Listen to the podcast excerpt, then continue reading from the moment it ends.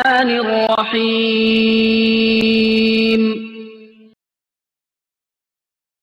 إنا نحن نزلنا الذكر وإنا له لحافظون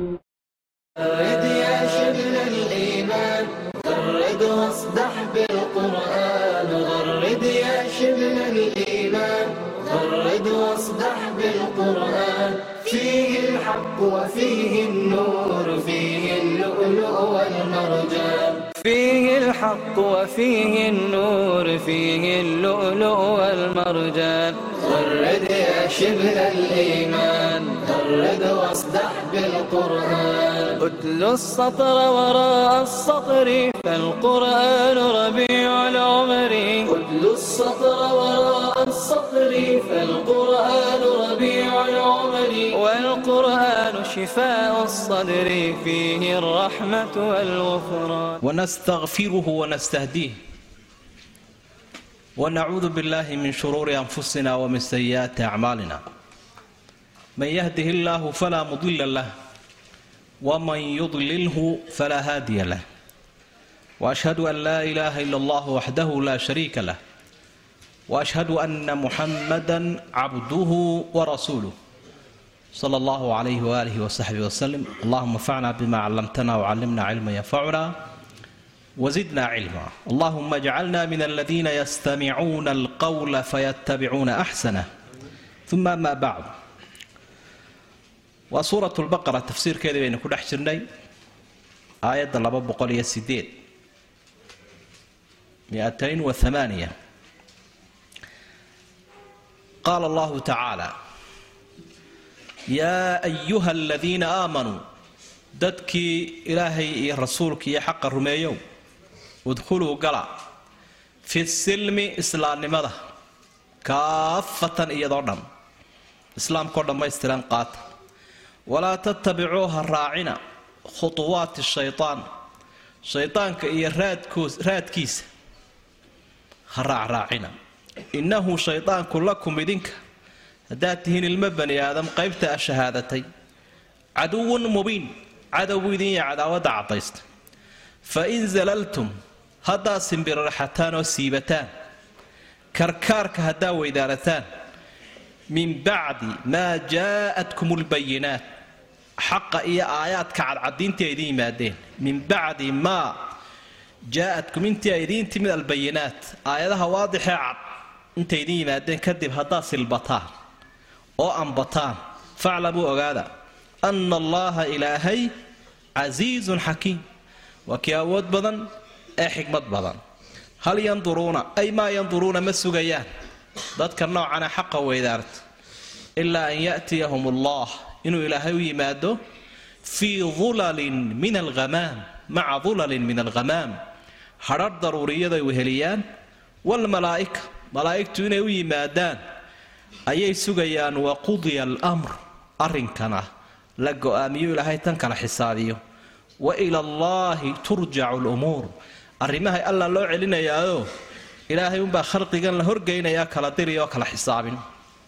Ummadda ilaahay wuu yeedhay yaa ayuha aladiina aamanuu qur'aanka aad bay ugu badan tahay mar kastay soo aroorto waxa uu leeyahay saxaabiga cabdilaahi bni mascuud radia allaahu canh waxa aad filataa khayr weyn oo lagu faro iyo shar weyn oo laguu diido. Kol hadduu ilaahay yeedhmada ah baaqaa soo jeediya yaa ayuha aladiina aamanuu qofka iimaan loo qiray ee ilaahay boqorkaa u qiray waxaa laga sugayaa waxa alla u sheegayo. Hadduu yahay wax la farayo iyo wax loo diidayaba inuu dhagaha u furo. Arrinkii wuxuu noqda la faray. Udkhuluu fi silmi kaafa. Asilm huwa alislaam islaamnimada wadagala iyada oo dhammaystiran. Waxa naska ilaahay uu ku faray ummadan islaamka ah reer banu israa'iilna waa la faray iyaguna inay manhajka ah sida uu dhan yahay wada qaataan. Laakiin waxa naska ilaahay uu ka xusay inaanay wada qaadanne ay kala dheegeen kitaabkii oo intay doonayeenna ay qaateen intii kalena ay iska dhigeen. Oo idhaahdeen intaasi way inagu adagtay intaasi inalama jaan qaadi karayso. Inaga reeb waa ka alla ku eedeeyey halkaasle afa tu'minuuna bibacdi alkitaab wa takfuruuna bibacd kitaabkii barh baa qaadateen miyaa? Barhna waa ka gaalowdeenoo waa iska dhigteen.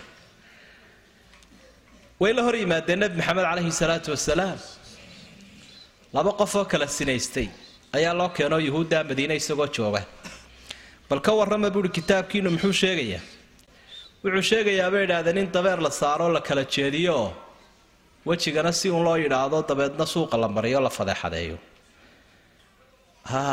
Macaynkaasa bal towraad la kaalaya. Qul faatuu bitawraati fatluuha. Bal ahriya saa ilaahayba u fadeexadeeyay kitaabkii towraad haddii la keenayna kii wadaadka ahaa ee akhriyayay ayaa aayaddii dhagax kudilka sheegaysay gacanta saaray wixii ka horreeyey markuu soo akhriyey xaqdabool buu ahaayo ayuu intii ka dambaysay akhriyay. Asxaabigii la odhan jiray cabdilaahi bnu salaam radia allaahu canhu towraad yaqaanee culimmadooda ka mid ahaa nebi maxamed raacee islaamay ayaa yidhi halkaa ka qaad gacanta. Aayaddii xeer ciqaabeedka labadan sheegaysa halkaasay ku jirtaae gacanta ka qaad. Halkiibuu ku fashilmay. Waraysi buu la yeeshay nebigu calayhi salaatu wasalaam.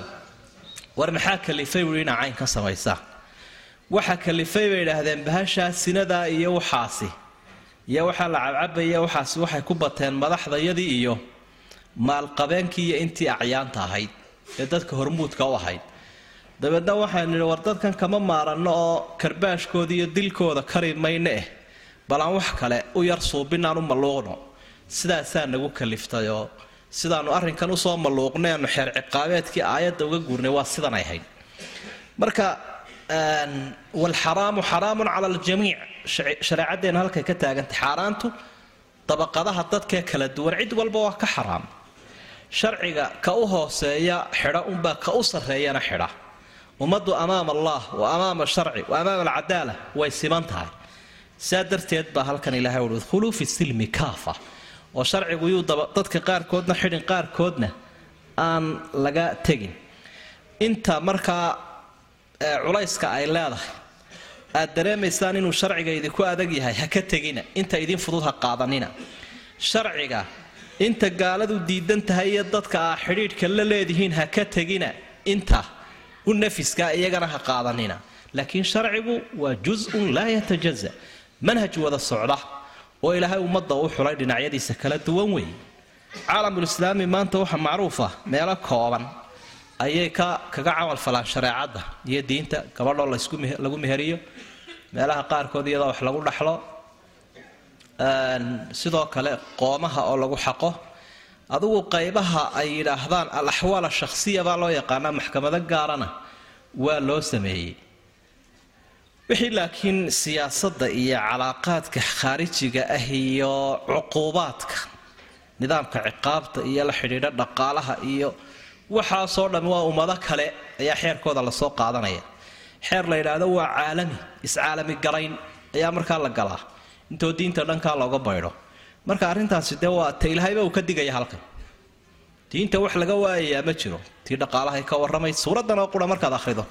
Tii siyaasadda tii milatariga tii dhaqaalaha tii ijtimaaciga ahayd ee bulshada mid laga waayi karaa ma jiro mid walba nasku waxa uu cayimay xukumkii sidaa ilaahay u saray. Kun iyo dhowr boqol oo sannadood ayaa ummadda islaamku ay ku soo dhaqaysay. Arrintii maxaanku dhaa dowladdii islaamka ee turkiya ka duntay. Waxyaabaha runtii ka soo baxay waxa ka mid ee berigii hore way dhici jirtay inay maaragtay khilaafadu mar dadka muslimiinta ka duntay ama dowladoodii ay burburtay way dhici jirtay. Laba arrimoodoo se wakhtigaa ku dhacay baan hore dhicin. Mid weeyaane ku camalfalka shareecaddu meesha kamuu bixi jirin. Laakiin dowlad kastoo ah itaal daraato madaxdeedu ha sillanaatee berigii hore shareecadda waa lagu camalfali jiray. Iyadoo laga yaabo ka haystaa inuu khamriga cabo oo si uunu wax idhaahdo ayaa haddana shareecaddu ay ahayd ta dadka muslimiinta iyo ummadaha kale kala hagaysa ummadda islaamka dhexdoodana kala hagaysa. Taasi mid jirtay ahayd. Waa wakhtigan dambe way meesha ka baxday. Iyo ta labaadoo ahayd had walba wuxuunbaa u jiri jiray khilaafo ku sii magacaaba. Tiina meesha way ka baxday. Labada arrimood oo aad u khatar badan. Iyo jihaadkii berigii hore oognaan jiray oo meesha ka baxay. Saddexda arrimood oo jiritaanka muslimiinta asaasi u ahaa berigii hore oo si kastaba ha u burbureena aan la waayi jirin baa meesha ka baxay. Waa halka ay ka soo ciirsan yihiin dadka muslimiinta ka soo ciiri layihiin wakhtigan dambe yaa ayuha aladiina aamanuu idkhuluu fi silmi kaafa. Dowladda qura arrintaasi uma taalla laakiin shacbiga laftiisa waa saasoo kale. Qabiiladii iyo wadaadkii iyo kii dhaqaalaha waday iyo kii qoyska udkhuluu fi silmi kaafa. Maxay diintu tiri? Unbaa la doonayaa qofku inuu idhaahdo wamaa kaana limuminin walaa muminatin ida qada allahu warasuuluhu amran an yakuuna lahum alkhiyaratu min amrihim. Ikhtiyaar ma laha qofku kole haddii ilaah iyo rasuulku ay wax sheegaan waa inuu raaco udkhuluu fi silmi islaamka islaamnimada wada qaata taasi waa taa. Aayad qura oo qofku uu ka tago ayuu ku eedaysanyaho qur'aanka kariimkii amaam allah uu la doodaya yakuunu xujatan calayh. Kii haysta weeye qur'aanku. Udkhuluu fi silmi kaafa waxaa kaloo lagu fasiray marna waxa aynu ka xaalaynay jaariya majruurka marna kaafatan waxa ay xaalown saaxibulxaalku wuxuu noqonayaa faacilka udkhuluu wadagala fi silmi kaafatan idinkoo dhammaystiran. Haddaa muslimiinta tihiin ha kala baydhbaydhina kuwiina hore iyo kuwiina dambe iyo kuwiina bari iyo kuwiina galbeed iyo qabaa'ilkiina kala duwan. Dadka muslimiintii waa wada muslimiin marka dhammaantiin wada qaata islaamka walaa tattabicuu khuuwaati shaydaan labada nasku isbarbar dhigayaabaa kaas. Imaa diinta ilaahay wa imaa khuuwaatu shaydaan ama waa waxa weeyaan manhaj nidaamka samaawiga ama waa distoor wa qaanuunu shaydaan waa labadaasun khuuwaatu shaydaan oo laga digayaa waxa weeye. Marka aad khuduwaadka iyo raadka rususha weydaarato dee raadka kaleed maraysa waa taas ilaa waa laba wada un midda toosan haddaad ka baydho wada goodirtii yaraydunbaad martay. Wadiiqadii qalqalloocnayde kodada iyo haadaanta kaa ridaysa ayaad ku dhacday. Walaa tattabicuu khuduwaati shaydaan waata xeerarka nidaamyada shareecadda ilaahay khilaafsan islaamnimada weydaarsan waa khuduwaatu shaydaan saa u fahm innahu lakum caduwun mubiin. Tii cadowgu badeecadda uu iib keenaana waa inaad ku sunowda un cadowbaa badeecad ku iib keenay. Ama raadkiisaa dabaguclaysay miinaa kula kici doonta mar haddaad cadow raad gurto. Haddaad badeecad ka iibsatona waad ku sumoobi. Taasaa xaqiiqo jirta. Ilaahay baaba tilmaama wuxuu uhi fain zalaltum min bacdi maa jaa'atkum lbayinaat haddaad siibataan iyadoo aayadaha cadcad idin yimaadeen faclamuu ana allaha casiizun xakiim. Waa dhaarasho ogaada inuu ilaahay awood badan yahay xikmad badan yahay. Xikmadiisa iyo awooddiisu ay keenayso ka diintii ilaahay iska weydaartee raad shaydaan maray in ilaahay uu ka argoosto. Waa tahdiid weeye aayad. Ilaahay cisina leh xikmadna leh. Xikmadiisu iyo taasay keenaysaa cisigiisa iyo qabashadiisuna kaa way ku habboon yihiin fa in zalaltum dee zalalku waa simbiraxada qof weynoo simbiraxday dee maxaa ka foolxun afkunbuu goosanaya adhaxdu u dhacaya. Waa adhax jab weeye waa ka baydhidda diinta ilaahay laga baydhay wey taas. Waa kaa naska ilaahay ku sii tilmaamayoo intana la yskaga maayo adduunyada ee aakhiro. Ilaahay waa daba taagan yahay kuwa noocaas. Dadka shaydaan doorta ee ilaahay diiday. Awliyaaulaahi noqon waaye awliyaau shaydaan noqday. Xisbullaahi noqon waaye xisbu shaydaan noqday. Hal yanduruuna kuwaasi maa sugayaanoo ma waxa ay eegayaan ay filayaan ilaa an yaatiyahum allahu fii dulalin min alghamaam walmalaa'ika inuu ilaahay u yimaado qiyaamaha malaa'igtuna ay u yimaadaan ayuunbay sugayaan. Iyaga iyo ilaahaybaa ishuran ilaahaybay ishortaagi doonaan. Kol hadday ilaahay abuuray diideenay diintiisii meel iska dhigeen iyo xadhiguu soo laalaadiyuu yihi xadhiggaa qabsada kaasaa ku badbaadaysaane ilaahay hortegi doonaan ilaahay iyo malaa'igtiisa malaa'igtii iyaga ilaalinaysa iyo ilaahay xisaabinaya qiyaamaha ayay kuwaasi ishortaagi doonaanoo waqudiya alamru arrinkiina waa la go'aamiyeyba. Arrinkaa la go'aamin doonaa. Ilahay baa abaalmarinaya waa ka rasuulkule sala allahu calayhi wasalam markuu ummadda u digayaa buu leeyahay aakhiro xusuustaoo ilaahay ka cabsada ogaada qofku inuu ishortaagi doono amaam allah. Ilaahay inuu ishortaagi doono. Walaysa baynahu wa baynahu turjumaan iyadoo addoonka iyo ilaahay wax turjumaanoo udhexeeya aanu jirin.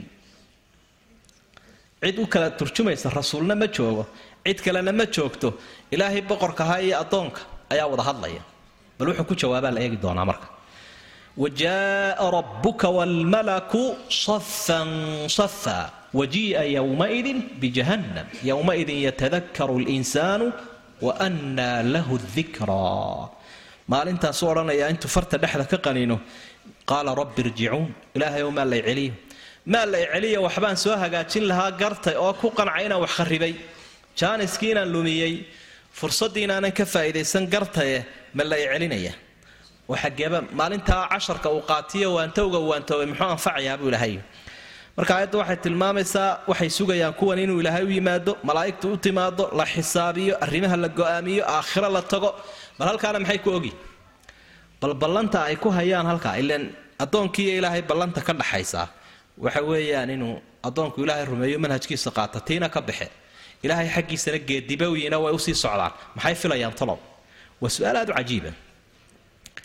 Marka ilaa an yaatiyahum ullah imaatinka ilaahay sidiisaa lagu dayn oo sida aayaddaa kale aynu akhrinay ay tilmaamayso ilaahay baa addoommaha u imanaya lifasli alqadaa bayna alwaliina waalaakhiriin bayna alawaliina waalaakhiriin fayujzi kula caamilin bicamalihi in khayran fakhayrun wain sharan fasharun waqudiya almr waila allahi turjacu lumuur markaa saasaa ilaahay iyo malaa'igtiisa malaa'igtana iyagoo safsafa ilaahay u diraya wixii kibirsanaa jinkii iyo insigii wixii madaxa adkaa gaadh dab leh oo heegana oo junuuddii ilaahaya ayaa gaadh ka qabanaysa. Ilahayna saas uu kala xukumaya addoomaha. Subxaanah.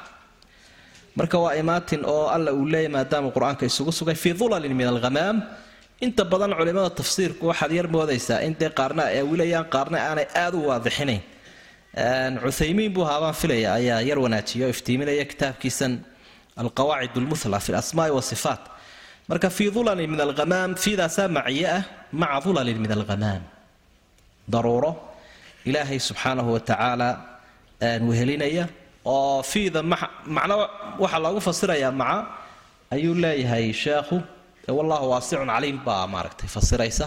Ilaahay meeluu dhexgeli karo oo koobaysaa ma jirto. Sidaa darteed ayaa lagu fasirayaa fiida bimacnaa maca. Waaya aayadduna tahdiidkaasay muujinaysaa oo maaragtay waxay ka warramaysaa ku kasta oo tan. Dhankuu doono u riday oo wuxuu doono sameeyey inuu ilaahay ka dambeeyo tabaaraka wa tacaala. Qofkuna markuu ku baraarugsan yahay inuu ilaahay ka dambeeyu daba taagan yahay dee wax uunbuu iskula hadhaa. Kolse hadduu hortaga ilaahay inuu ilaahay hortagayo ilaawo kolkaasuu wax walba samaynaya sal banii israa'iila baa sal weydii nebi maxamedow. Banii israa'iila reer banu israa'iil kam aataynaahum intaanu siinay min aayatin mucjizo bayinatin cad oo mucjisanimadeedu aanay qarsoonayn ee aanay waxba ku qaadane mucjisaadkaasi aanay anficin waman yubadil qofka dooriya nicmat allah ilaahay nicmaduu siiye mid diineed iyo mid duunyaba leh qofka dooriya ee mahadnaqeedii gaalnimo ku bedela min bacdi maa jaa'atu nicmadaasi intii a u timi kadib fa ina allaha ilaahay shadiidu lciqaab ciqaabkiisu ilaahay wuu daran yahay.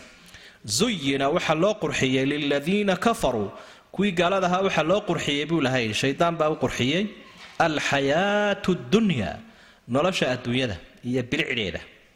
Wayaskharuuna waxaabay ku dheeldheelayaan.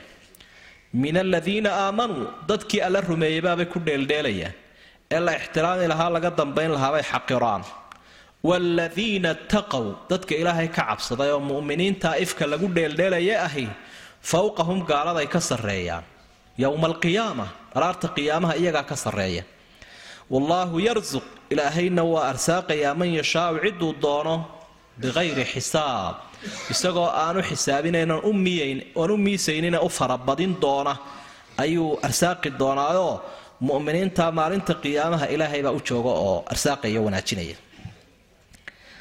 Waxaa nasku marka halkan ilaahay uu ku tilmaamay ayaan daradan ummadaha soo jireenkahaa qaar badan ku dhacday sida reer banu israa'iil oo kale oo ayaan daradaasina waxay ahayd diinla-aanta diinla-aanta aayaadku ilaahay ummadaha u keenayay ee mucjisaadka ahaa ee waxyiga ahaa kuwaasay xaggaa iska dhigeen. Marka ummad yahay reer banu israa'iil baa diin la diido iyo aayad cadoo la diido la iska baalmaro kuwaasaa ku halaagsamay oo nicmadii ilaahay ay tuureen ay gaalnimo ku bedeleen kuwaasaa ku dhacay idinku sidaa ha yeelina. Marka ummaddanuu ilaahay la hadlayay reer banu israa'iil buu soo qabtay. Reer bani israa'iil oo nicmo la siiyey ka gaaloobay. Macnaheedu markaa aad ka faa'idaysanaysa waa maxay? Dee kuwaa waa la eedeeyey? Waxa lagu eedeeyeyna waa diin la'aanta. Waa nicmadii allo inay ku mahadnaqin oo inay ka guddooman dee ha yeelina sidaa hebel baa waxaa ku halaagsamay saasuu noqday saasuu noqday. Marka lagaaga warramayo xumaantiisa macnaheedu maaha in lagaaga sheekaynayo un hebelkan inuu eedaysanaya eedaysanu wixii uu ku eedoobay de haddaan la fasixin dee adna waad ku eedoobaysa marka taariikhdu waa mir'aatulmaadi maadiga muraayadiisii weeye marka muraayaddaa aad eegto dadka foolxuma ay uga soo baxda adigu dee ka baydh kuwa quruxdooda halkaa ay ka muuqanaysana ku dayo. Waaya taariikhda maadiga waxa lagu saxaa mustaqbalka ayaa lagu saxaa. Waa kayd weyn oo yaalla oo qur'aankuna in fara badan uu inoogu soo celcelinayo. Qisada reer banu israa'iil iyo wacdarihii iyo wixii soo maraya dee aad baad u arkaysa. Ilaa la tilmaamo qur'aanka saddex meelood oo laba inay taariikhda ku dhow yihiin aayaadkiisa. Sal bani israa'iila kama aataynaahum min aayatin bayina reer banu israa'iil waraysa intaan siiyey buu ilaha yidhi aayado cad aayadahaas mucjisaadkii rususha la siiyey bay ahaayeen. Iyadoo mucjisa iyadoo mucjisaad ay u tahay ummadda ah macnaha rususha ah ayaa xabagbarsheed iyo malab iyo loo soo dejiyay iyo daruuro u hadheeya iyo dhagaxaan biyo sii daaya iyo suuradda qaybteeda hore ka akhri. Waxaasoo dhan waxay ahayn mucjisaadkii rususha. Waxay ahayn karaamo ilaahay ummaddaa uu siiyey. Marka macnaheedii waa maxay reer banu israa'iil aayadaha la siiye cadcadaa ka warayso su'aal. Bal waxay kaga camalfaleen bal waxay ka rumeeyeen bal waxay kaga jawaabeen. Marka nasku muu odhanin way ka gaaloobeen sidana yeeleen dee qur'aanku ila isagaa isfasiraye waxay sameeyeen dee innagaa soo aragna waa kuu yidhi noo doori. Ilaahu lan nasbira calaa acaamin waaxid lan nasbira calaa acaamin waaxid. Nebi muuse noo weydii dee waa kuu lahaa dhulku waxaanuu soo saaro waxa markaa inay nicmadii bedeleen kuu muujinaysa inta dambe. Waman yubadil nicmat allaahi min bacdi maa jaaatu fa ina allaha shadiid lciqaab nimankaasi nicmada ilaahay bay bedeleen nicmada ilaahay see loo bedelaa waa nicmadu waxay mudan tahay. Nicmada waxay jawaabteedu yahay maxay? Shukri. Shukrigii bay ku bedeleen iyagu kufri. Daacadii bay ku bedeleen cinaad iyo macsiyo marka nicmadii bay dooriyeen. Haddaba qofka nicmada ilaahay bedela intii ay u timid ilahay ciqaabkiisu wuu daranya ilaahay ciqaabkiisu wuu daranya nicmada ilaahay uu bixiyo dabarkeedu waa shukriga. Shukrigaa dabar u ah oo nicmada joojiya. Haddii dabarkaa la waayo nicmadaasi way duushaa. Nicmadaasi waxay isu rogtaa niqmo. Haddaba nicmadu waa tee iyadoo nicmooyinka ilaahay badan yihiin haddana nicmada halkan qur'aanku dadka ilaahay ugu manno sheegtay ugu weyni waa nicmada diinta. Waa nicmada waxyiga. Waa nicmada cilmiga samaawiga wey sida ilaha aayaddii kale uu ku fasiray markii uu quraysh eedaynaya ilaahay wuxuu uhi alam tara ila aladiina badaluu nicmat allahi kufra wa axalluu qawmahum daara albawaar jahannama yaslownaha wa bi'sa alqaraar maad la yaabtidood eegtid nebi maxamedow diintan siiye kuwa gaalnimo ku badashay ee reerahoodiina intay geedi ka dhigeenay rareenay hor kaceen. Naarta jahanamo bartanka u furay. Reerka marna waxaa la furaa meel barwaaqo ah. Marna meel abaara intay u sahamiyeen reerkii ooy ka duween barwaaqadii iyo meeshii lagu liibaanaya biyaha iyo baadka lahayd ayaa u axalluu qowmahum daara albawaar axalla macnaa tii uu xalaaleeyaa ma ahayd. Ee waxa weeye tii anzala raxla alaabtiisiibuu dejiyahayd wey reerahoodii bay rareen markaasay dabeetana naarta dhex fureen. Iyagiiyo halkaasay ka geeraarayaan kii ibliiska ahaa ee horkacay. Wabi'sa alqaraar nicmadaas aayadihii ugu dambeeyey ee ummaddan islaamka ilaahay u soo dejiyey nebi maxamed caleyhi salaatu wasalaam ku soo degay isagoo carafo taagan xajatulwadaac nicmadaasaa ilaahay ummadda uu ugu manno sheeganaya alyawma akmaltu lakum diinakum wa atmamtu calaykum nicmatii waradiitu lakum lislaama diinan alyawma akmaltu lakum diinakum. Maanta waa sannadaa tobnaad waan dhammaystiray baa ilahay uhi diintiini korkordhin uma baahna. Naaxnaaxin iyo suubin uma baahna. Diintu way dhammaystirantay ilaahay baa dhammaystiray. Wax bidca ah iyo wax lagu daray iyo wax la qawada iyo midna ma jiro. Alyawma akmaltu lakum diinakum wa calaykum nicmatii. Saasaa ilahay way isfasireen aayaddu. Nicmadaydii ayaan taam yeelay. Marka waa nicmat wa nicmat ddiin wa nicmat lwaxyi wa nicmat risaala nicmadaa wey kol hadduu qofku taa haysto raasamaalkiibuu hayaa wixii kale yaryaraha adduunyadan uu ka helayaa waa faa'iido u soo korodhay uun iskeedaba dee dadka iimaan la'aantu ay haysato insaanka dadkeennu wax badan bay debadaha mareen oo waa kuwan la firdhiyada caalamka u kala qaxae qofka waay aragnimo u gaalada diraaseeya siday u nool yihiin iyo maal kasta ha haystaanoo madaxtinimo kasta ha haystaane nicmada diintu marka ay ka maqantahay bulshada iyo dadka say u nool yihiin iyo xataa say u fikirayaan caqliyaraantooda dufuulada haysata. Qofka diraaseeye la saaxiibee la shaqeeye ka ag dhowaaday ee ku dhex noolaaday baa garan karaya. Farqiga isaga oo diinle iyo kan aan diinta lahayn u dhexeeya. Waa wax ilaahay loogu mahadnaqa subxaana. Mar hadduu ilaahay ka dhigay qofkan qof islaama caqiidadiisii wanaagsanayd leh ilaahiisii caabudaya aakhiro rumaysan qofkaasi inuu inuu qalaq iyo warwar ku dhacaba maaha wixii uu waayo wuxuu ku qanacsan yahay waxaan ilaahay u qadaray inuu yahay wixii ku dhaca wuxuu dareensan yahay wix ilaahay u qadaray inuu yahay isma shidaynayaba waa iska goor walba waa iibu nafs ayibu nafsi mustariix weeye haddaba dhaqankoodu dadka diinlaawayaasha ah waxa weeye ka diintale inay xaqiraan ka diintale inay hoos u eegaan ka diintale inay dibu socod iyo dabaqadaha hoose ku tiriyaan. Waa dhaqanka diinlaawayaasha markaasaa ilaahay wuxuu uhi zuyina liladiina kafaruu lxayaatu dunya. Gaalada waxaa loo qurxiyey nolosha adduunyada. Taasi waa mid. Wayaskharuuna min aladiina aamanuu dadka muuminiinta ee adduunyadaa siday u hayaan aanu hayna way ku jeesjeesaan ilaahooda ay caabudayaanba adduunyada ah. Waa cabiidu dunya. Waxa ay u nool yihiinba adduunyada ah. Dadka waxa ay wax ku qiimeeyaan oo adduunyada iyo haynteeda waxa ay ku kala xoog rooyiin ee ay ku kala sharaf rooyiin ayaa adduunyada ah. Bahasha iyo haynteeda de waa taasun marka aad u dhabagashae diraasaysa sida maanta caalamka wax loo wado taa muuqaalkaa naska uu tilmaamayo wey amaa cidda adduunyada ama farsamadeeda ama maalkeeda wax ka yara si yihiin wayaskharuuna min aladiina aamanuu dadka muminiintana waa ku dheeldheelaya. Maalkaa ma hayaan. Cilmigaa ma laha dhaqaalaha ma laha de waa kuwa idhaahda adduunyada saddexaad baa la ysku idha afrikada iyo marka adduunyada saddexaad la leeyahay waa afrikada iyo caalamka islaamka. Ayay ujeeda kow ma aha oo laba ma aha waa kuwa saddexaad weeye. In yar kadibna waa kuwa afraad iyo shanaad unbaad maqlaysa. Waxaa lagu yar maldahayaa oo lagaala yar xishooda in la yidhaahdo waa nooca habsaameed dib dhacay ee mutakhalifiinta ah. Taasunbaa lagu yar maldahay mooyaane oon afka lagu ballaadhini eraygu saas u dhigan yahay nooca habsaame wey waaya wayaskharuuna min aladiina aamanuu qof iimaan lihi wax lagu dheeldheela maaha waa qof la karaameeyo. Waa qof ilaahay kaaga dhow. Waa qof xikmaddii loo abuuray gartay. Markaasaa ilaahay uu tilmaamay hadday miisaanka gaaladu maanta halkan ka dhigeen ilaahayna siduu waxu miisaamay.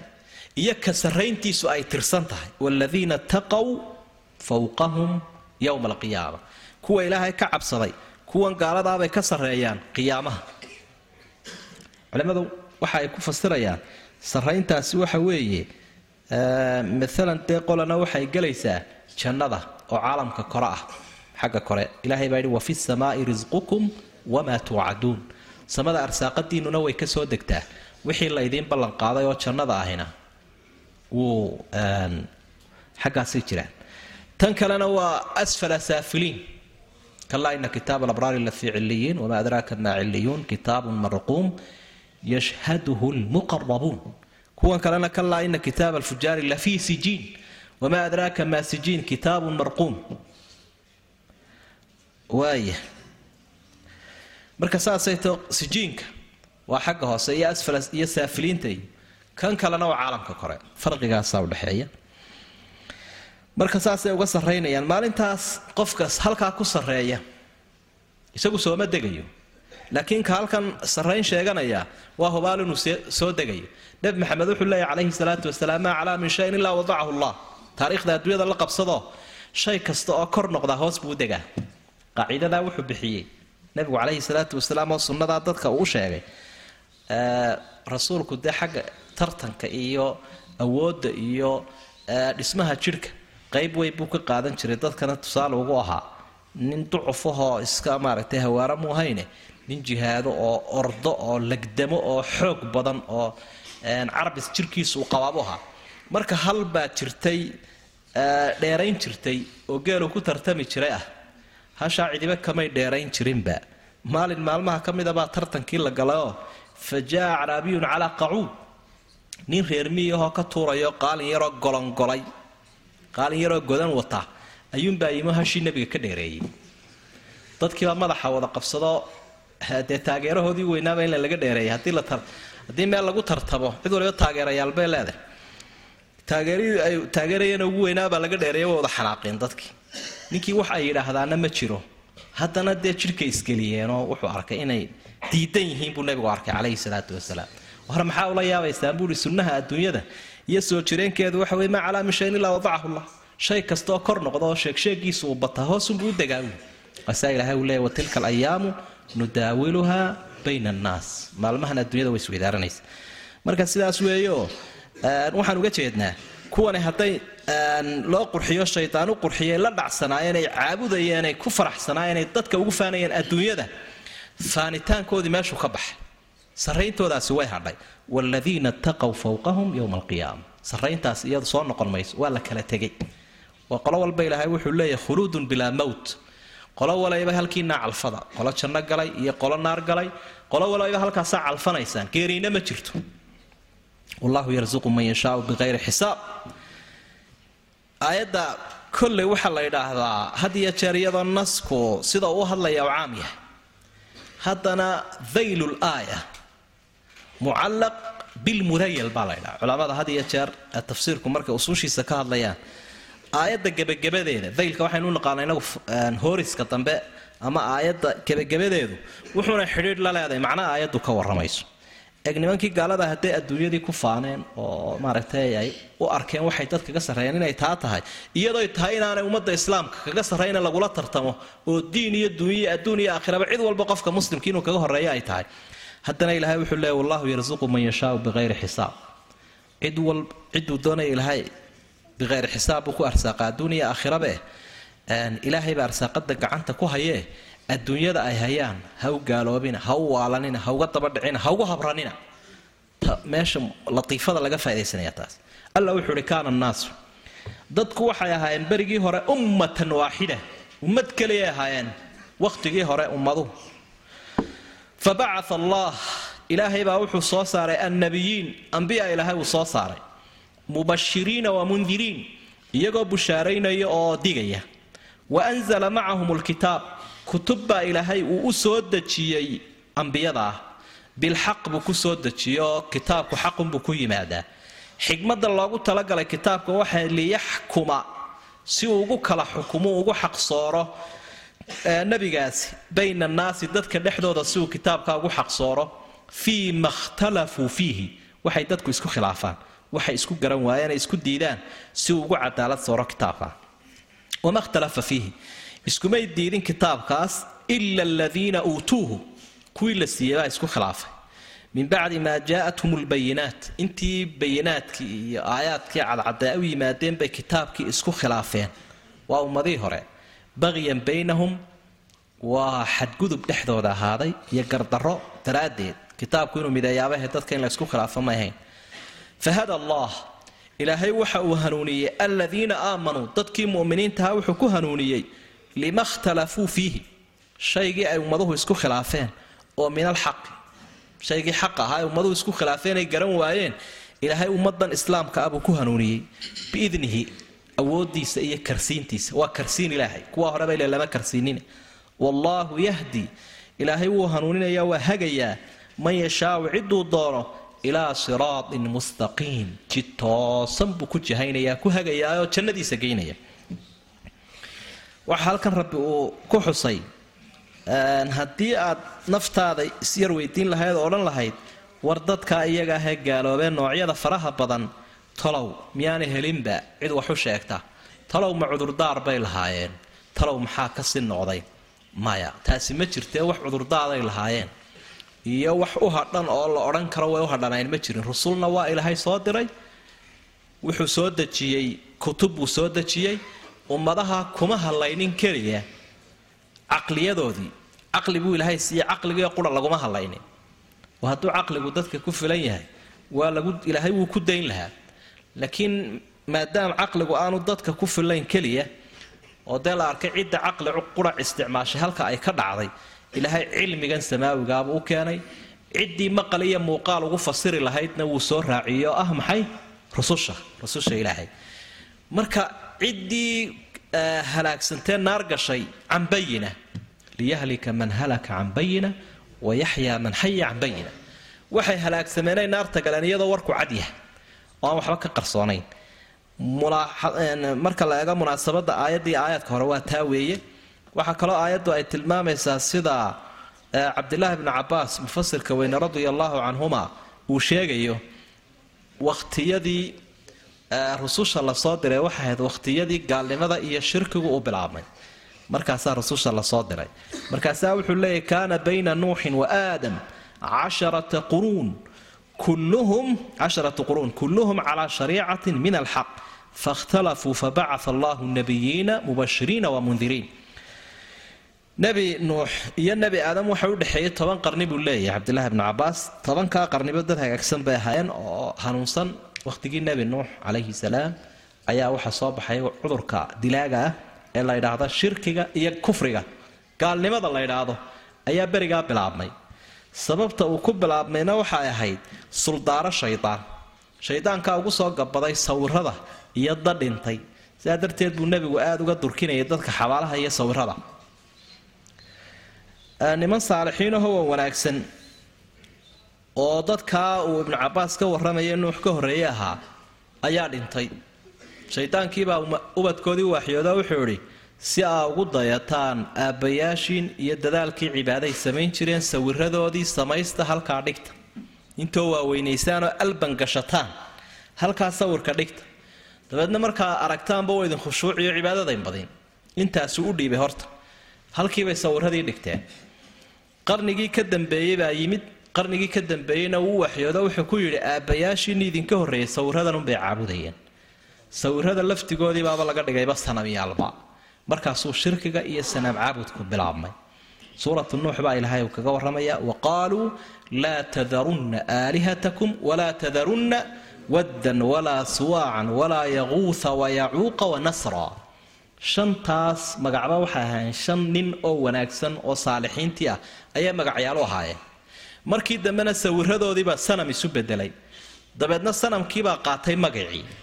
Marka berigii dambe kolkay nuux sutida u hayeen kufaartu waxay idhaahdeen war ku adayga sanamyadiinna oo si gaara shantaa ku sii mitida bay idhaah shantaa sanam ku mitida waa shantii ka soo bilaabmay saalixa sawirkiisii markaasaa dabeedna rasuulku sala allahu calayhi wasalam dadka muslimiinta ah dee waxa sawirka la ydhaahda iyo taallada iyo waxaa dadku ay ku meeraystaan in fara badana shaydaanku ugu soo gabado waa ka xaaraantinimeeyey nebi maxamed caleyhi salaatu wasalaam sharcigeennana sawirku.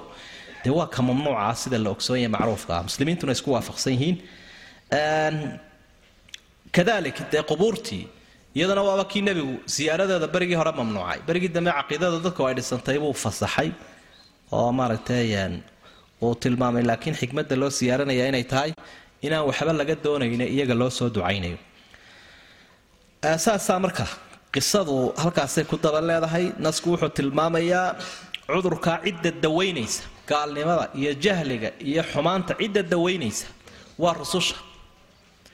Iyo cidda had walba dhaxalkoodii haysa kuwaasaa u gurmanaya ummaddaa dawaynaya xilna ka saaran yahay kaana annaasu ummatan waaxida ummad keliyay dadku ahaayeen. Fakhtalafuu baa meesha ku jirta ummadiibaa iskhilaafay oo qaarna iimaankii ku sii toosnaadeen qaarna gaalnimadaa ku dhaceen. Marka dabe si loogu digo oo kuwa hallaabay loo hanuuniyo ilaahay fa bacaa allahu nabiyiina mubashiriina wamundiriin nebiyaal buu soo saaray digaya oo u digaya kaa gaaloobay u bushaaraynaya kii rumeeyey xaqa. Wa macahum lkitaaba bilxaq. Kutub buu u soo dejiyey rususha ah waanzala macahum wuxuu soo dejiyey macooda macnaha wuxuu soo raaciyey u soo dhiibay alkitaab. Ashu kol haddii ay gasho ismigaas ismuljinsi macnaha waa aljinsiyaah alkitaab ay lkutub kutub buu u soo dhiibay. Bilxaq kitaab ilaahay xaggiisa ka yimi baatilba maleh laakiin kuwa baadilka ku sheegay baa la deedifaynayaa kutubtaasi xaq bay ku socota liyaxkuma bayna annaasi fiima ikhtalafuu fiihi dadku si wixii ay isku khilaafeen si uu kitaabku u kala xukumo. Marka waxaa halkaa nasku uu ku caddeeyey ummadda cidda ilaahay u soo diray rususha loo soo diray waa ayo waa jinka iyo insiga. Kutubta ama kutubta uu soo gebagabay kitaabkeenna qur'aanka ahay. Cidda loogu talagalayna waayo waa lilbashariyati walixayaati lbashariya bani aadamka iyo noloshooda si u saxo buurahana ma aha dhagaxaantana ma aha makhluuqaadka kalena ma aha. Laakiin sidaa ilahay u leey liyaxkuma bayna annaas. Dadka ka kala xukumaya ee loogu talagalay noloshooda inuu saxo isbeddel nololeed uu ku sameeyo waa kaa weye fiima ikhtalafuu fiihi waxay isku khilaafeen. Wax walo la ysku khilaafaba. Ma aha inuu rabitaanku hago iyo waxa ila wanaagsan iyo waxa ila tahay iyo waxay hebel la tahay. Waxaasoo dhan way iska hadhayaane ilaahay rasuulku maxay ka yidhaahdeen weye farudduuhu ila allahi warasuul ilaahay rasuulka u celiya baa rabbi uu leeyahy fiima ikhtalafuu fiih saasuu dadka arrinkooda uu ku hagaagaya falaa warabbika laa yu'minuun xataa yuxakimuuka fii ma shajara baynahum shajara wixii ka murga ilaa ay kuula yimaadaan oo qur'aanka ay garsoor ka dhigtaan inta ka horaysa iimaan ma jira buu lahay wama ikhtalafa fiihi ila aladiina uutuuhu kuwii kitaabka la siiyey baa isku khilaafay min bacdi maa jaatum lbayinaat intii bayinaadku u yimaadeen waa aayadihii waxyiga ahaa cadcadaa baqiyan baynahum gardarro dhexdooda ahaatay mar walba haddii lagudhaa labaa iskhilaafay waxaad garanaysaa labada ummadood ama saddexda ummadood ama afarta ummadooda iskhilaafsan. Dee qolunba xaqa ku taagan. Qaybina way khilaafsantahay marka cidda xaqa ku taagan ayaa mar walba la khilaafsan yahay. Ila iyagu sawaabkiiba hay iyagu tubtiibay ku taagan yihiin. Cidda khilaafaysay ayaa xadgudub kale cidda khilaafaysay baa baqyan samaynaysa gardarada ilaahay wuxuu uhi fahada allaahu aladiina aamanuu lima ikhtalafuu fiihi. Dadkii muminiintaha ilaahay wuxuu ku hagay wixii la isku khilaafay oo min alxaqi ah oo iyagu way wada gudoonteen qaybnaba may diidin way ka wada qaateen ilaahay biidnih waa karsiin ilaahay. Ilahay baa saa amra ilaahay baa u sakhiray marka taasi waxa ay tahay mar walba ummadii islaamka ahayd weeye kuwa ilaahay xaqii la khilaafay iyaga uu ku hanuuninayay waxaa kaluu nebi moxamed xuse calayhi salaatu wasalaam ummadan islaamkaba inay ka mid yihiin kuwa wixii la ysku khilaafay la diiday ee xaq ahaa kuwa ilaahay uu ku hanuuniyey. Waa kii nebigu uhi calayhi salaatu wasalaam naxnu alaakhiruuna alawaluuna yowma alqiyaama.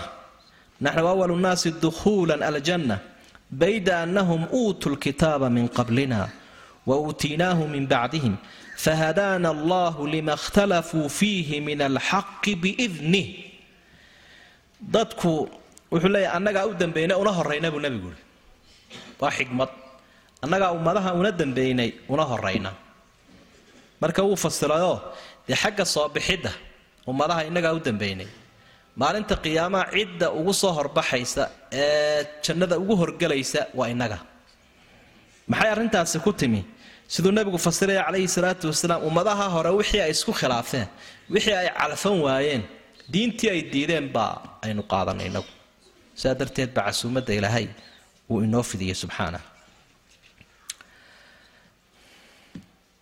wallahu yahdi man yashaau ilaa siraatin mustaqiim. Ilaahayna jidka toosan ciduu doonayaabuu ku hanuuninaya. Ilaa siraad siraadka markiisa hore waddada toosan baa laydhaa een qalloocaba lahayn mustaqiimna way sii akidaysa waa sifa muakida limawsuufiha waa siraad waaba jidka toosanun ayaa magacaa loo yaqaana almustaqiim waa mid toosanoo sii toosan waa ka islaamka am xasibtum buu ilahay yidhi ma waxaa malayseen an tadkhuluu inaad galaysaan dad yahow aljannata jannada inaad iska gelaysaan walamaa yatikum iyadoonu idinla kulmin walamaa yaatikum iyadoonu idinku imanin waa isku macnouneh maalu ladiina kuwii tilmaantoodii oo kale iyo wixii la kulmay kuwaasoo khalow tegay min qablikum hortiin. Ummadihii idinka horreeyey dhibkii la kulmay ee lagu kala shaandheeyey iyadoonu idinla kulmin ma inaad janno iska gelaysaan baa moodaysaan buu ilahay yidhi. Maxaa la kulmay? Su'aashaa jawaabteedii weeye masadhum waxa taabatay buu ilahay yidhi alba'saa baahi iyo faqri iyo dhaqaale xumo. Waadaraa iyo dhibaato xagga jidhka ah. Wasulziluu waa la gelgilay cagahaa dhulka looga qaaday xataa yaquula arasuul ilaa uu rasuulka yidhi ummadaha la joogay waaladiina macah iyo mu'miniintii wehelinayay cafwan. Waaladiina aamanuu macah iyo mu'miniintii isaga rumeeyey waxay yidhaahdeen mataa nasrullah gargaarka ilaahay waa goorma alaa ina nasr allah alaa hooya ina nasrallaahi ilaahay gargaarkiisi qariibun wuu dhow yahay. Waxaa naska halkan ilaahay ummadda isagoo kula hadlaya islaamka ah uu ku baraarujinayaa markuu qofka muminka ahay ifkan joogo inuu imtixaanan yahay. Imtixaankaana waa lagu shaandhaynayaa dadka. Waxaa la eegayaa qofka imtixaankaa ka soo baxay alaabta ilaahay qaaliga ah ee jannada a mutaysta iyo ka imtixaankaa ku fashilma. Ee dee hoosu dhac uu ku yimaado ee meel baas labadaasaa la kala eegaya. Marka adduunyadan xikmadaynu u joognaa waa imtixaankaa inuu qofka muminka ahay xikmaddu u nool yahay ayuu garanaya. Wuu ku imtixaanaya. Kii dhaqaalo haystaa wuu ku imtixaanaya. Kii cilmi haystaa wuu ku imtixaanayahay kii cudud milatari haysta iyo maamul wuu ku imtixaanan kii caafimaad haystaa wuu ku imtixaanayay kii carruur haystaa wuu ku imtixaanaya. Wax kastoo dheeraada intaasoo dheeraadahoo qofka laga qaadayna wuu ku imtixaanan yahay waa daarulimtixaan sidaa darteed qofka dareensantaa imtixaanka iska tiiri buu odhanaya. Arday imtixaan loo qoray oo laga sugayo jawaabta dadaalkiisa iyo fikirkiisu halku gaadhsiisan yahay. Dee waanu idhahdo war hayla hadline maalmahan imtixaankii baan ku jiraaye bal aan iska tiiriye hay mashquulinina. Dee muminkuna taasaa laga doonaya inuu idhahdo war waqti uma hayo waxaa wadwadaane ee aakhira seeg iyo alla seega ah imtixaankan iska hagaajinayaae cagta udhiga waa ka cumarle xaasibuu anfusakum qabla an tuxaasabuu war idinku isxisaabiya xisaabtii intaana imanin. Am xasibtum an tadkhulu ljanna janno laguma mutaysta baa ilaahay uhi imtixaan la'aan. Walamaa yatikum maalu ladiina khalow min qablikum. Kuwii idinka horreeyey wixii la kulmay iyadoona idinla kulmin janno la iskama gelayo alaa ina silcat allahi haaliya alaa ina silcat allahi hiya aljanna? Wuxuu nabigu leeyahy calayhi salaatu wasalaam ilaahay alaabtiisu waa qaali dadyaho ilaahay alaabtiisuna waa janno. Marka jannadaa waxaad ku iibsanaysaa naftaada waxaad ku iibsanaysaa maalkaaga waxaad ku iibsanaysaa caqligaaga waxaad ku iibsanaysaa waqhtigaaga ayaad jannadaa ilaahay ku iibsanaysaa. Imtixaankaasi qofka wuxuu kaga iman karayaa xagga naftiisa baasha nafa dee waxay u baahan tahay hogaamo badanoo lagu xidxidho soo maa way fakanaysaa rabitaankeedii rabitaankii shaydaanka iyo shahawaadka macnaha qofku wuxuu doonaya ishbaacu lghariisa baahi buu leeyahay kala duduwan baahidiisa in uu dhergiyaabuu doonaya baahida cunada baahida aragga baahida maqalka baahida farjiga. Qofku baahiyaha inuu dhergiyaabuu doonaya marka waa ku imtixaanaya taa waa inuu hakiyaa. Qofku waa ku imtixaanan yahay ehelkiisa. Oo markuu qofka muminkaa shaydaanku ka quusto ehelkuu dhex fadhiistaa ehelkiisa iyo dadkiisa ayuu ku soo kiciyaa iyagoo dabada uu soo baceeyay oo macnaha dabada uu ka wado. Awr awr wado la moodo oo aan kaa baydhaynin ayuu kugu soo kicinaya. Waxa qofka muminka uu ku imtixaanan yahay dadka gaalada ah ee ay ku wada nool yihiin adduunyada oo siyaabuhu ugu imtixaanaya waxa wey gaaladiibaa awood la siinaya. Imkaaniyaad baa la siinaya aqoon baa la siinaya. Kolkaasaa in fara badanoo ummadii islaamkaha ka midii ay ka daba dhacaysa warkanaaba waxa uu hayaa mucjiso u egyahay warkani mid laga hadhaba ma wallaahi caqliga waxaan sameeyey caqli laga hadho ma aha buu leeyahy iyo qofka waxaan haya dabeedna waa adiga arkay maanta. Way ku imtixaanan yihiin dadku. Halka iyagoo aqoontan oo kale kasbi lahaayeen ayaa ay ummaddaa daba carareenoo iyagii ay iska dhisayaanoo iyagii loo sacabtumayaao wixii ay soo dhigaan uu soconaya. Wixii qofka muslimkaa uu soo dhigaana uu hakanaya. Waa imtixaan weeye. Imtixaanku runtii dhinacyo kala duduwan ayaa uu leeyahay. Macnaha waxa weeye wadadaa ilahay uhi wallahu yahdi man yashaau ilaa siraatin mustaqiim. Ji toosan buu ku hanuuninaya waxaa lagu tusinayaa wadadaasi ma caqabad laha dhagaxaan waaweyn baa ayaalood ku turunturanayso oo maaragtay caqabaad la yidhaahdo. Wadadaasi waxay leedahay dawaafic. Waxyaabo qofka intay qabtaan sidaa uga riixaya si aanu u marin. Nawaasic bay leedahay wadadaasi waxyaabo qofka intoo dib u soo qabto sida huug la soo suray oo kale ka ridaya dariiqa marka ma sahlana maritaanka wadadaasi qofku markuu taa dareensan yahay muminkaha iimaankiisu ilaashanaya aakhiradiisu ilaashanaya diintiisu ilaashanaya mowqifkiisu hagaajinaya haddii kalena de waa waxa aynu arkayno. Runtii aada la yaabayso dadkii oo magaciina ka muslina afkii ka muslimahoo ka ashahaadanaya haddana fikirkooda iyo dareenkoodu hallowsan yihiin maalu ladiina khalow min qablikum rag baa idinka horreeyey weeye. Mu'miniin ahaa soo ashahaatay adduunyada soo maray bal taariikhdoodii dub akhriya. Masatum lbasaa wadaraa albasaa waa dhibka maalka daraa waa dhibka nafta. Naf iyo maalba waa laga dhibay. Oo musiibooyin dabiiciya kaga dhacay way ku sabreen. Musiibooyin insaanuu sababay oo cadowga ah ayaa naf iyo maalba kaga dhacay way ku sabreen. Sidan ayaduba sii adkaynaysa wazulziluu xataa yaquula arasuulu waladiina aamanuu macahu mataa nasrullah waa la gelgilay qofka goormaa la odhan karaa waa la gelgilay cagaha dhulka looga qaaday. Miyirqabkii baa loo diiday inuu cagadhigaba ummadda islaamka iyagoo dalkoodii iyo dadkoodii iyo dunyadoodii intaba la nooloo ku nool. Ayaa haddana cagaha dhulka looga qaaday. Mar walbaba rususha ilaahay taariikhdooda dib ugu noqo. Mid waliba isagoo reerkiisii jooga oo wadankiisii jooga mastaafur buu ku qoran yahay nebi ibraahim calayhi salaam khaliil raxmaan abulambiyaa aabbihii baa waxa uu leeyahay araaqibun anta can aalihatii ya ibraahim ilaahyaashaydii baad nacday soo maaha gabagabadii wuxuu soo wadaa wuxuu ka dhigayaa wahjurnii maliyan idhaaf dib ha igu soo noqonin. Ma joogi karaysid buu leeya waan kaa mastaafuriyay halkan. Aabbihii baa mastaafur ku qoray. Nebi ciise calayhi salaam isaguna siduu u baxsanayay. Dee waa kii meel gala dilkiisa la ysku daya nin kale la dilay ilahay caalamka korageeyay nebi muuse isaguna dee orodku fircoon ka ordayay halkeebuu ka dhacay madyan buu ka dhacay muddo dheer buu adhay ku raacaya halkaa. Nebi maxamed calayhi salaatu wasalaam. Halkii uu soo eegayuu lahaa dhul oo dhan waxaan ugu jecelahay maka isaguna mastaafirkaasuu kaga qornaa. Wazulziluu xataa yaquula arasuul wladiina aamanuu macahu mataa nasrullah. Ilaa ay yaabeenba oo yidhahdeen war nasrigii ilaahay mee. Nasrigii ilaahay miyaanu imanayn. Sidaasay asxaabtuna nebi maxamed ku lahaayeen calayhi salaatu wasalaam wakhtigii hore islaamku bilowga ahaa ayaa aada loo garaacay asxaabtii. Bilaal iyo camaar iyo suhayb iyo khabaab ibnuarat iyo asxaabtaasoo dhan waxaa lagu garaaci jiray waxyaabo aada u kala duduwan oo taariikhdiiyo siirada aad ka akhrii karayso. Oo inaan imika halkan ku soo koobi karaynin. Dabeedna nebigay u yimaadeenoo waxay idhaahdeen alasnaa cala alxaqi yaa rasuul allah miyaynaan xaq ku sugnayn sawtan naftii laysugu keenkeenay sawtan dhib badan ina soo gaadhay goormaa ilaahay nasrigiisa ina siinaya.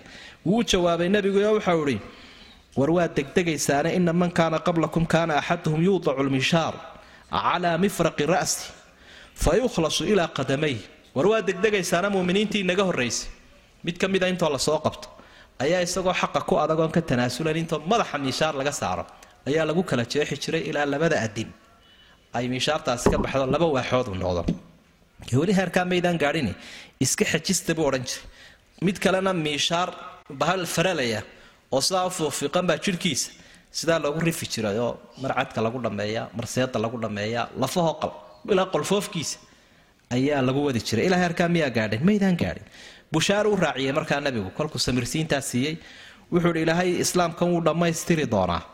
Ilaa qofka iska lugaynaya sancayntuu ka taga xadaramuut uu gaadho isaga oo ilaahay un ka cabsanayn cid kale ka cabsanaynin iyo bahalka oo xoolihiisa uga cabsado.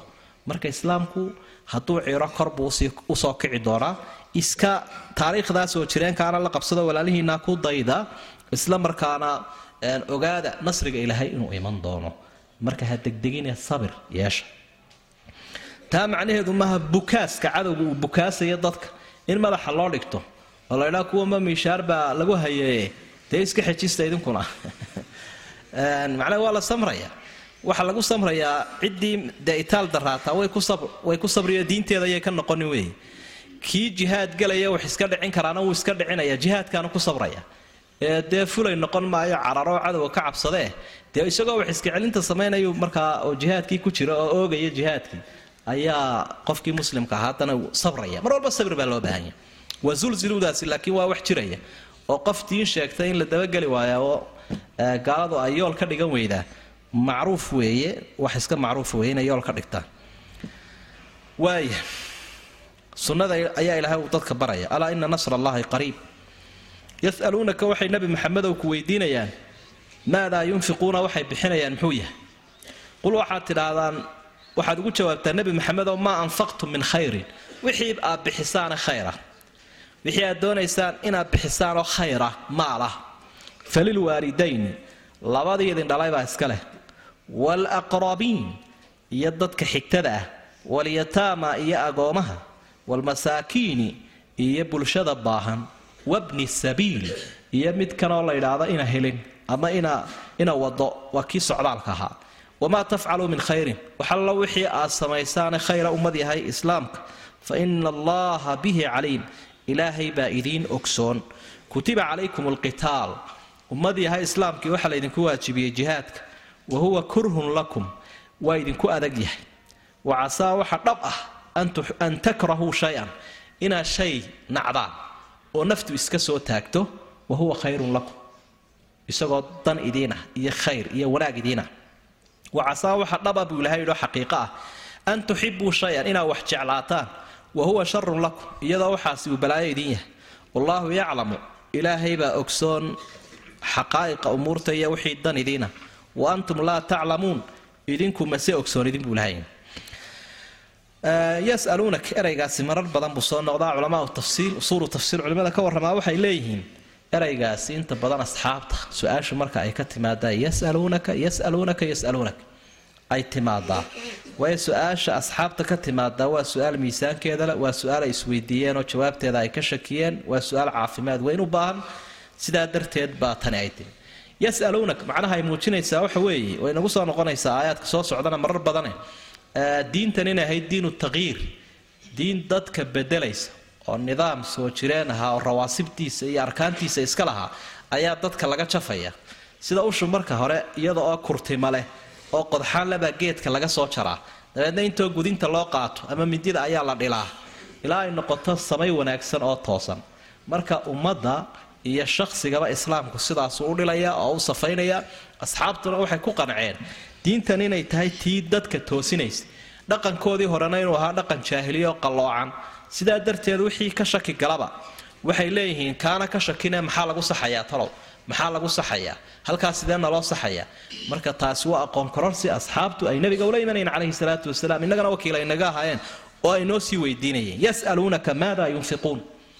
Waxay weydiiyeen waxbixintii ilaahay wayna faray nebi maxamedoo qur'aanka ilaahay nagu faray in badan aayaadka infaaq iyo waxbixinta sheegaya maxaanu bixinaa? Waxa la socota yaa la siinaya laba su'aalood aada u muhiima. Waxa la bixinayaa muxuu yahay? Xaqiiqadee buu leeyay noocee weeye? Maxaas yaase la siinaya su'aashaasi way ku cadayta kalena way ku hoos jirtaa. Sida jawaabta ka muuqata. Ilaahay baa uga jawaaba wuxuu ihi qul maa anfaqtum min khayrin. Intaasaa u sugnaaday wixii aad bixisaan ee khayra dadkaasi aayaddu ay sheegtay shantaa qolo. Marka jawaabtu waxa weeye waxaad bixinaysaa waa wixii khayra horta. Khayr waa maalka xalaasha. Ah maalka xalaasha ah khayra kaa bixiya. Waxaad siinaysaan cidda idinka agdhow sida labada waalid iyo xigtada. Labada waalid iyo xigtada.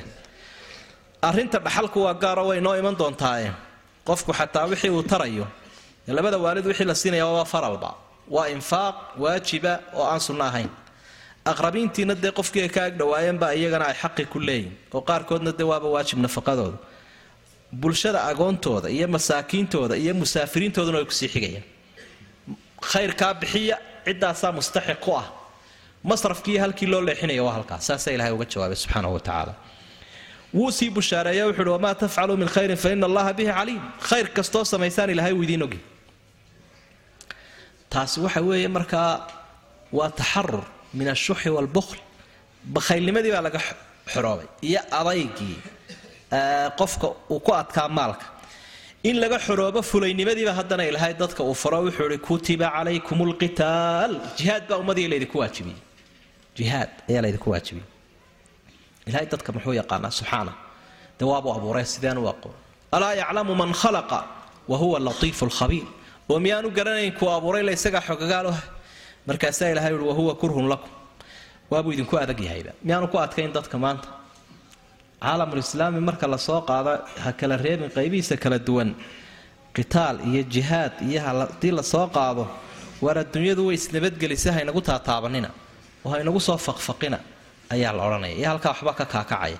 Dabeetana sidaa ilaahay uu tilmaamay wacasaa an takrahuu shayan wahuwa khayrun lakum wacasaa an tuxibuu shayan wahuwa sharun lakum waxay nacayaan waa jihaadka waxay jeclaanayaanna waa maxay iska iyo inay ka nastaanoo ay iska daayaan wixii lagu jihaadi lahaa iyo aaliyaadkiis iyo wixii oo dhan weeye kaasay jeclaadeen kiina shar buu yahay bal inagu aan iska dayno jihaad bayna inagu aan iska dayno hubka markaa adduunyada u horreeya inagu aan iska dayno inaynu xaq sii ballaadhino aynu hilinno aynu diin caalamiya u soconno dadka muslimiinta inaynu horgelino dee maxaa ka dhacay? Wahuwa sharun lakum. Iyagii baa lagu jihaaday markaa cashuurtii baa laga qaaday dalkoodii baa laga qaaday dadkoodii baa la baabiiyey. Dee waynu arkaynaa wallahu yaclamu waantum laa taclamuun. Nimanka munaafiqiinta ah ayaa odhan jiray laa tanfiruu fi lxar qul naaru jahannama ashaddu xara ar kulaylka haynoo kaxaynina bay idhahan ilahayna wuxuu uhi kulaylka naarta ayaa hadda ka adag nin shaaciraa gabyo waxa uu leeyahay walaysa man maata fastaraaxa bimaytin inama almaytu mayit laxyaayu lama yidhaahda mayd qofka dhintee naftu ka baxda iska raaxaysta. Laakiin mayd waxaa la yidhaahdaa maydka socda buuri ka socda. Ee aan itaal lahayna la ihaanaysanayo qofka jiro aan haddana jirin ee la ihaanaysanayo dunni ku nool kaasaa mayd la yidhahdaa buu leeyahy marka axkaamta jihaadka iyo kelmadii la yar xidhiidhay hore aynu u soo xusnay intaasaynu ku soo koobi lahayn wallahu subxaanahu wa tacaala aclam يا ماهرا بكتاب الله تقرأه أبشر بنور الله والحسنات اقرأ ورتل خاشعا متغنيا بأعذب الألحان والآيات يا ماهرا بكتاب الله تقرأه أبشر بنور الله والحسنات اقرأ ورتل خاشعا متغنيا بأعذب الألحان والآيات